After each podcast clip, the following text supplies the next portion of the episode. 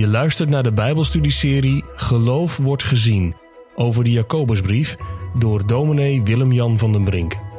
Deze podcast wordt je aangeboden door Geloofsterusting.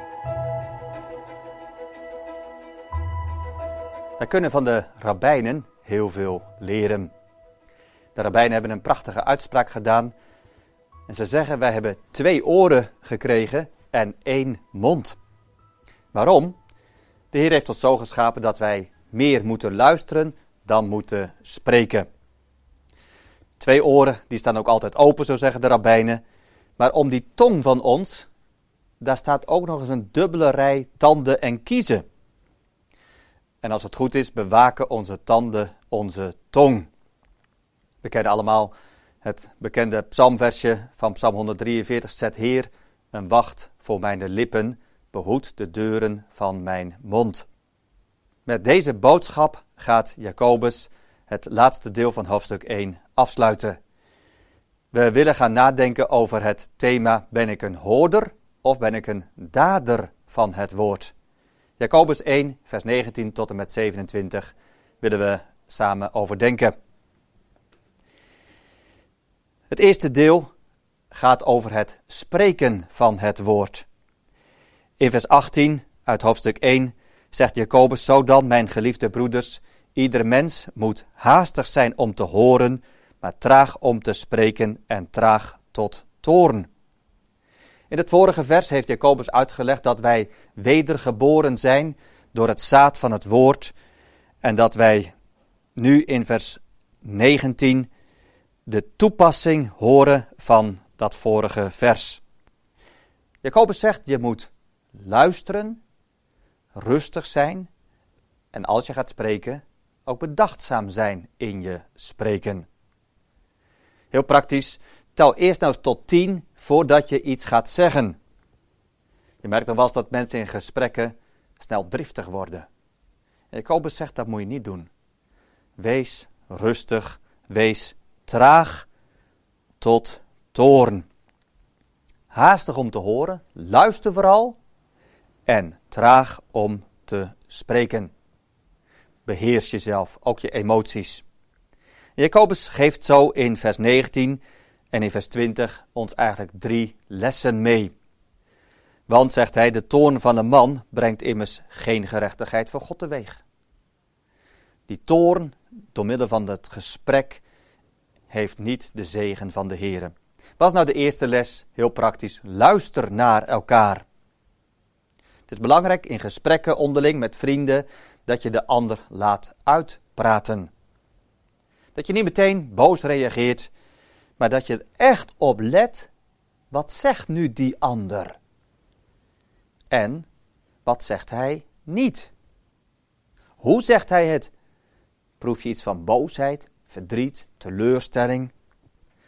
Zet je vooroordelen nu eens aan de kant en luister met je oren, met die twee oren, goed naar wat de ander tegen je zegt. Wij leven in die zin ook in een tijd waarin het echte gesprek gezocht moet worden. WhatsApp, e-mailen, dat is toch geen gesprek. Laten we elkaar daar ook op wijzen. En kijk de ander ook echt in de ogen om te kijken, landt de boodschap bij de ander. De tweede les die Jacobus ons zo meegeeft is: luister vooral naar God. Laat God maar eens uitspreken. Hoe vaak komt de Heer ook niet tot ons met zijn woord, met de prediking en lokt Hij jou om tot Christus te komen? Wij zijn altijd geneigd om met onze ja te komen. Ja maar. Nee, zegt Jacobus, laat God maar eens uitspreken. En Calvijn, de bekende reformator, die zegt: Als een dominee spreekt en preekt, dan opent uiteindelijk God zijn heilige mond. God opent dan zijn mond. Het is toch wel heel brutaal als wij God niet laten uitspreken, maar wij hem in de reden zouden vallen. Heel praktisch, als je gaat bijbelezen, moet je niet ondertussen e-mail gaan lezen, WhatsApp berichten gaan lezen. Nee, laat God uitspreken. En zeker niet als je in de kerk zit. Luister naar wat God tegen jou zegt. Het zou gewoon onbeschoft zijn om dan je oren dicht te doen en niet te luisteren naar wat God tegen jou zegt. Daarom wees haastig om te horen. Kom trouw naar de kerk. Daar spreekt God tot jou. En de derde les wordt ook niet snel toornig op elkaar. Traag tot spreken, traag tot toorn. Kan wel zijn dat iemand het nodig vindt om jou in liefde terecht te, terecht te wijzen. Dat kan. Dan moet je niet meteen boos worden. Maar als een ander met bewogenheid, met liefde jou aanspreekt, dan moet je niet boos worden op die ander. Zeker niet boos worden op God, maar de goede bedoeling van de ander waarderen. En daarom, de toorn van een man brengt immers geen gerechtigheid voor God teweeg. Boos worden belemmert het spreken, het contact met God. Ik kom als mensen tegen die door middel van de toorn zo bitter zijn geworden in het leven. En deze mensen die bitter zijn geworden, die kennen de vrede met God niet. Ik wil je waarschuwen, zorg niet dat je bitter wordt tegenover mensen, zorg niet dat je bitter wordt tegenover God. Dat is het eerste deel van Jacobus 19, 1, hoofdstuk 1, vers 19 en 20. Het spreken van het woord. In de volgende verse gaat Jacobus nadenken over het planten van het woord. Wij hebben in onze tuin allemaal bloemen en planten staan. Wij hebben helaas geen hovenier en dat betekent dat wij zelf de bloemen moeten onderhouden en het onkruid moeten verwijderen. Stel eens voor dat we helemaal niks zouden doen en twee maanden lang al het onkruid zouden laten opkomen. Wat zou er dan gebeuren? Nou, heel de tuin die zou overwoekerd worden met onkruid. Nou, zo zegt Jacobus, wij moeten ook het woord van God zachtmoedig ontvangen. Hij zegt in vers 21, leg daarom af alle vuilheid en elke uitwas van slechtheid en ontvang met zachtmoedigheid het in u geplante woord, dat uw zielen zalig kan maken. Je zou het ook zo mogen vertalen, neem het woord dat in u geplant wordt, zachtmoedig aan. Dat is prachtig, zoals Jacobus dat zegt. Zorg ervoor dat er geen onkruid, dat woord van God dat in ons geplant wordt, gaat overwoekeren. In dit gedeelte zijn dan twee kernwoorden die onze aandacht vragen. Het zijn de woorden afleggen en het woordje ontvangen. Afleggen. Vanuit het Grieks heeft dat te maken met het uitdoen van kleren. Jacobus zegt als het ware, doe nou de vuile kleren van de zonde weg. Je kunt niet bijvoorbeeld met een hart vol haat in de kerk zitten en luisteren naar het woord van God. Als je met een hart van haat en van vijandschap in de kerk zit, dan kan het woord van God niet zachtmoedig in je geplant worden. Dan blokkeer je het spreken van God door de vijandschap. En daarom is het zo belangrijk dat wij alle onkruid, alle zonde eruit trekken. Die wortel van de zonde moet eruit gehaald worden. En zoals dat in een tuin ook altijd doorgaat, zo is dat ook in het leven van een christen. Dat onkruid dat moet voortdurend verwijderd worden.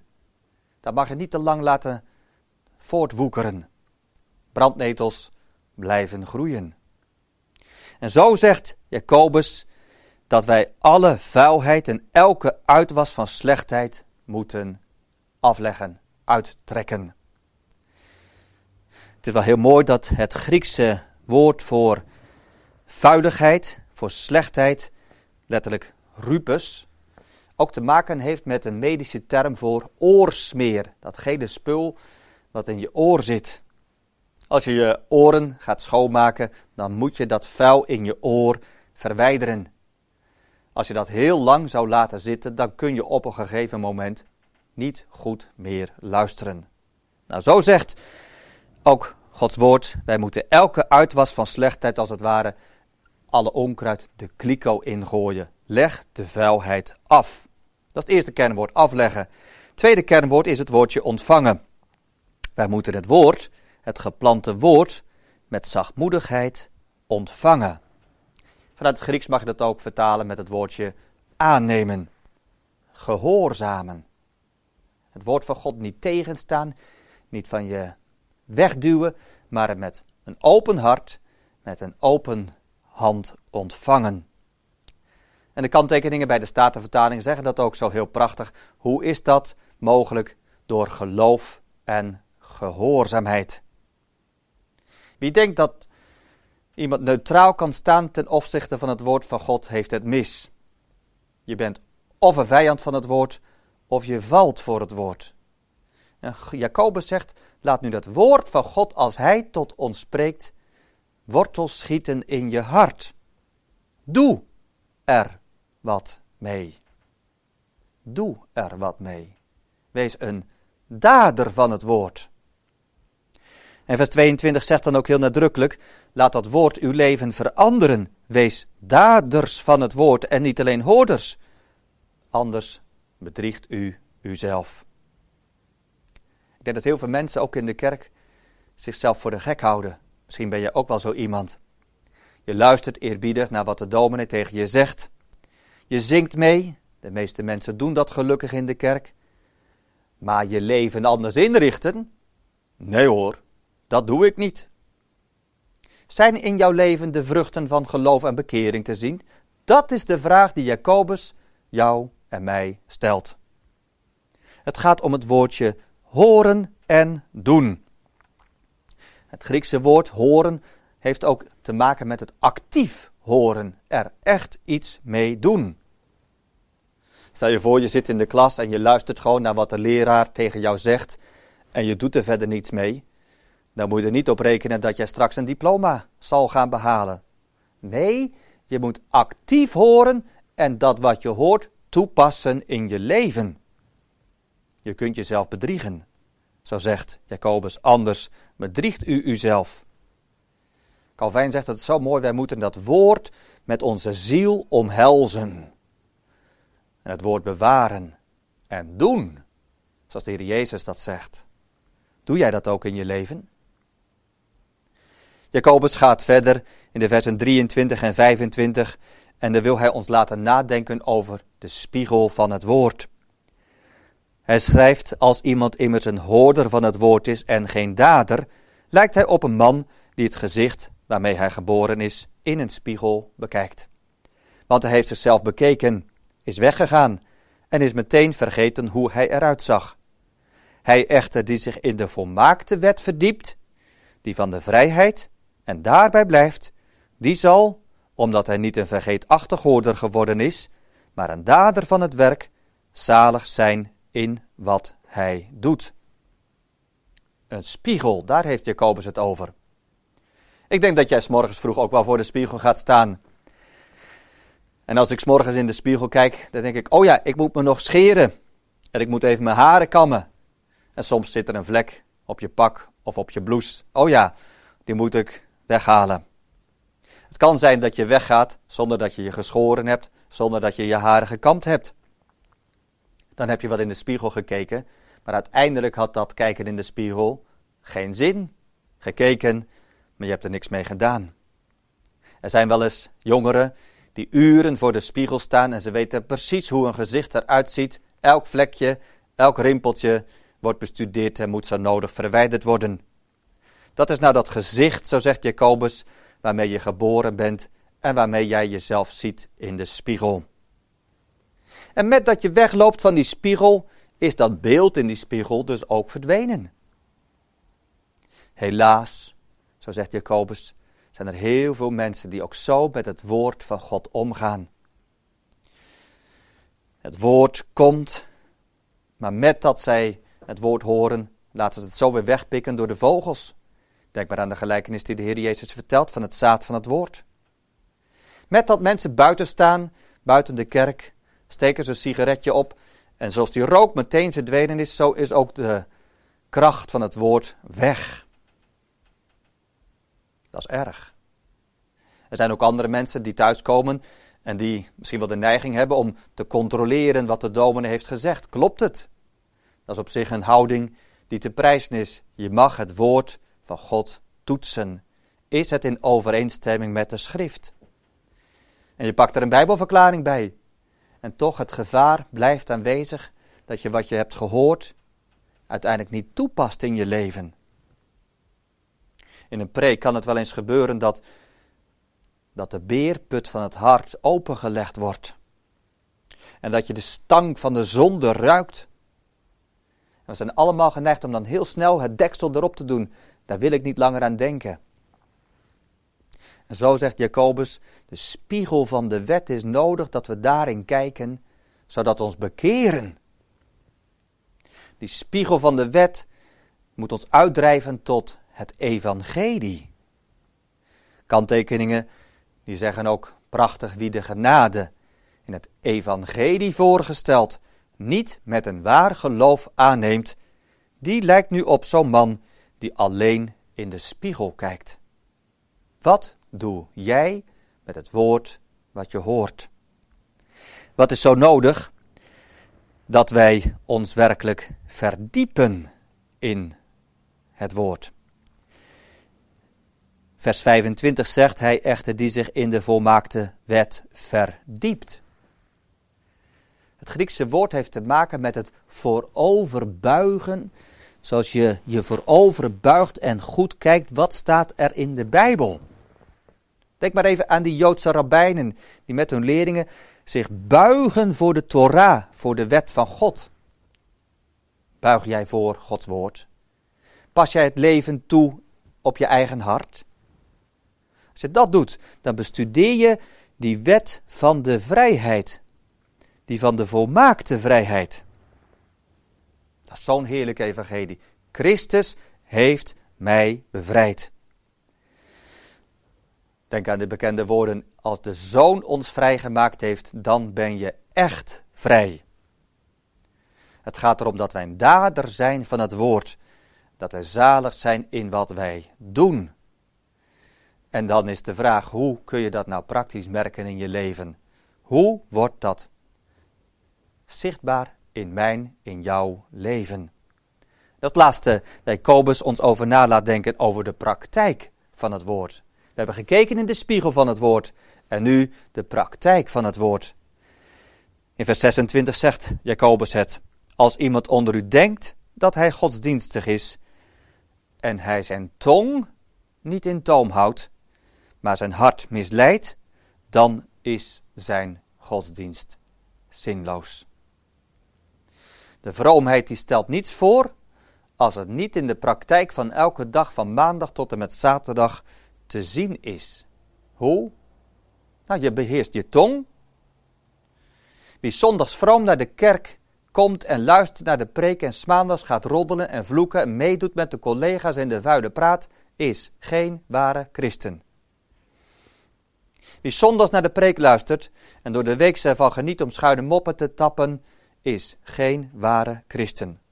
Jacobus zegt, dan is je godsdienst zinloos dan misleid je je hart. Zou dat ook niet het geval zijn met jou? En met heel veel andere reformatorische christenen, tussen aanhalingstekens? Van buiten vroom, maar misschien van binnen wel verrot. Die slechte godsdienst bedriegt zichzelf. En was nou de echte godsdienst, zo zegt Jacobus? Hoe merk je dat? Dat is een verschil van dag en nacht. Hij zegt dat merk je, zo zegt vers 27, de zuivere en onbevlekte godsdienst voor God en de Vader is dit, wezen en weduwen bezoeken in hun verdrukking en zichzelf onbesmet bewaren van de wereld. Dat is de pure, de zuivere, de onbevlekte godsdienst. Wie zoek je dus op? Wezen. Kinderen die geen vader en moeder meer hebben. Weduwen die geen man meer hebben. Dat zijn precies die mensen die economisch gezien van andere mensen afhankelijk zijn geworden. Die geen inkomen meer hebben. Die weerloos zijn. Een weduwe, een christelijke weduwe, die het moet hebben van de gemeenteleden die om haar heen staan. Denk maar aan Psalm 68, waar de Heer belooft dat Hij is een vader van de wezen en een rechter van de weduwen. En dan zegt Jacobus, echte, zuivere, onbevlekte godsdienst is te merken aan het opzoeken van die wezen en van die weduwen. Zoek jij zulke mensen op?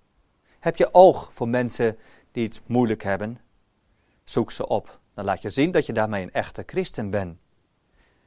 En het laatste wat Jacobus zegt is: een christen die wil zichzelf onbesmet bewaren van de wereld. Je hoeft niet mee te doen met de troep en het vuil van de wereld. We hebben nodig, ook juist in onze tijd, dat we echt grenzen trekken en leren nee te zeggen. Doe niet mee met de wereld. Denk aan de woorden die God heeft uitgesproken. Zijt heilig, want ik ben heilig. En denk ook maar aan de woorden van de apostel Johannes. Als hij zegt, heb de wereld niet lief, noch hetgeen in de wereld is. Zo iemand de wereld lief heeft, de liefde van de Vader is niet in hem. Dat zijn ernstige woorden. Zichzelf onbesmet bewaren van de wereld. Leef godzalig, leef heilig, leef zuiver, leef onbevlekt. En aan jou stel ik nu de vraag: ben jij zo'n christen? Ben je niet alleen een hoorder van het woord, maar ben je ook een dader van het woord? Denk daar eerlijk over na, nu je deze video bekeken hebt.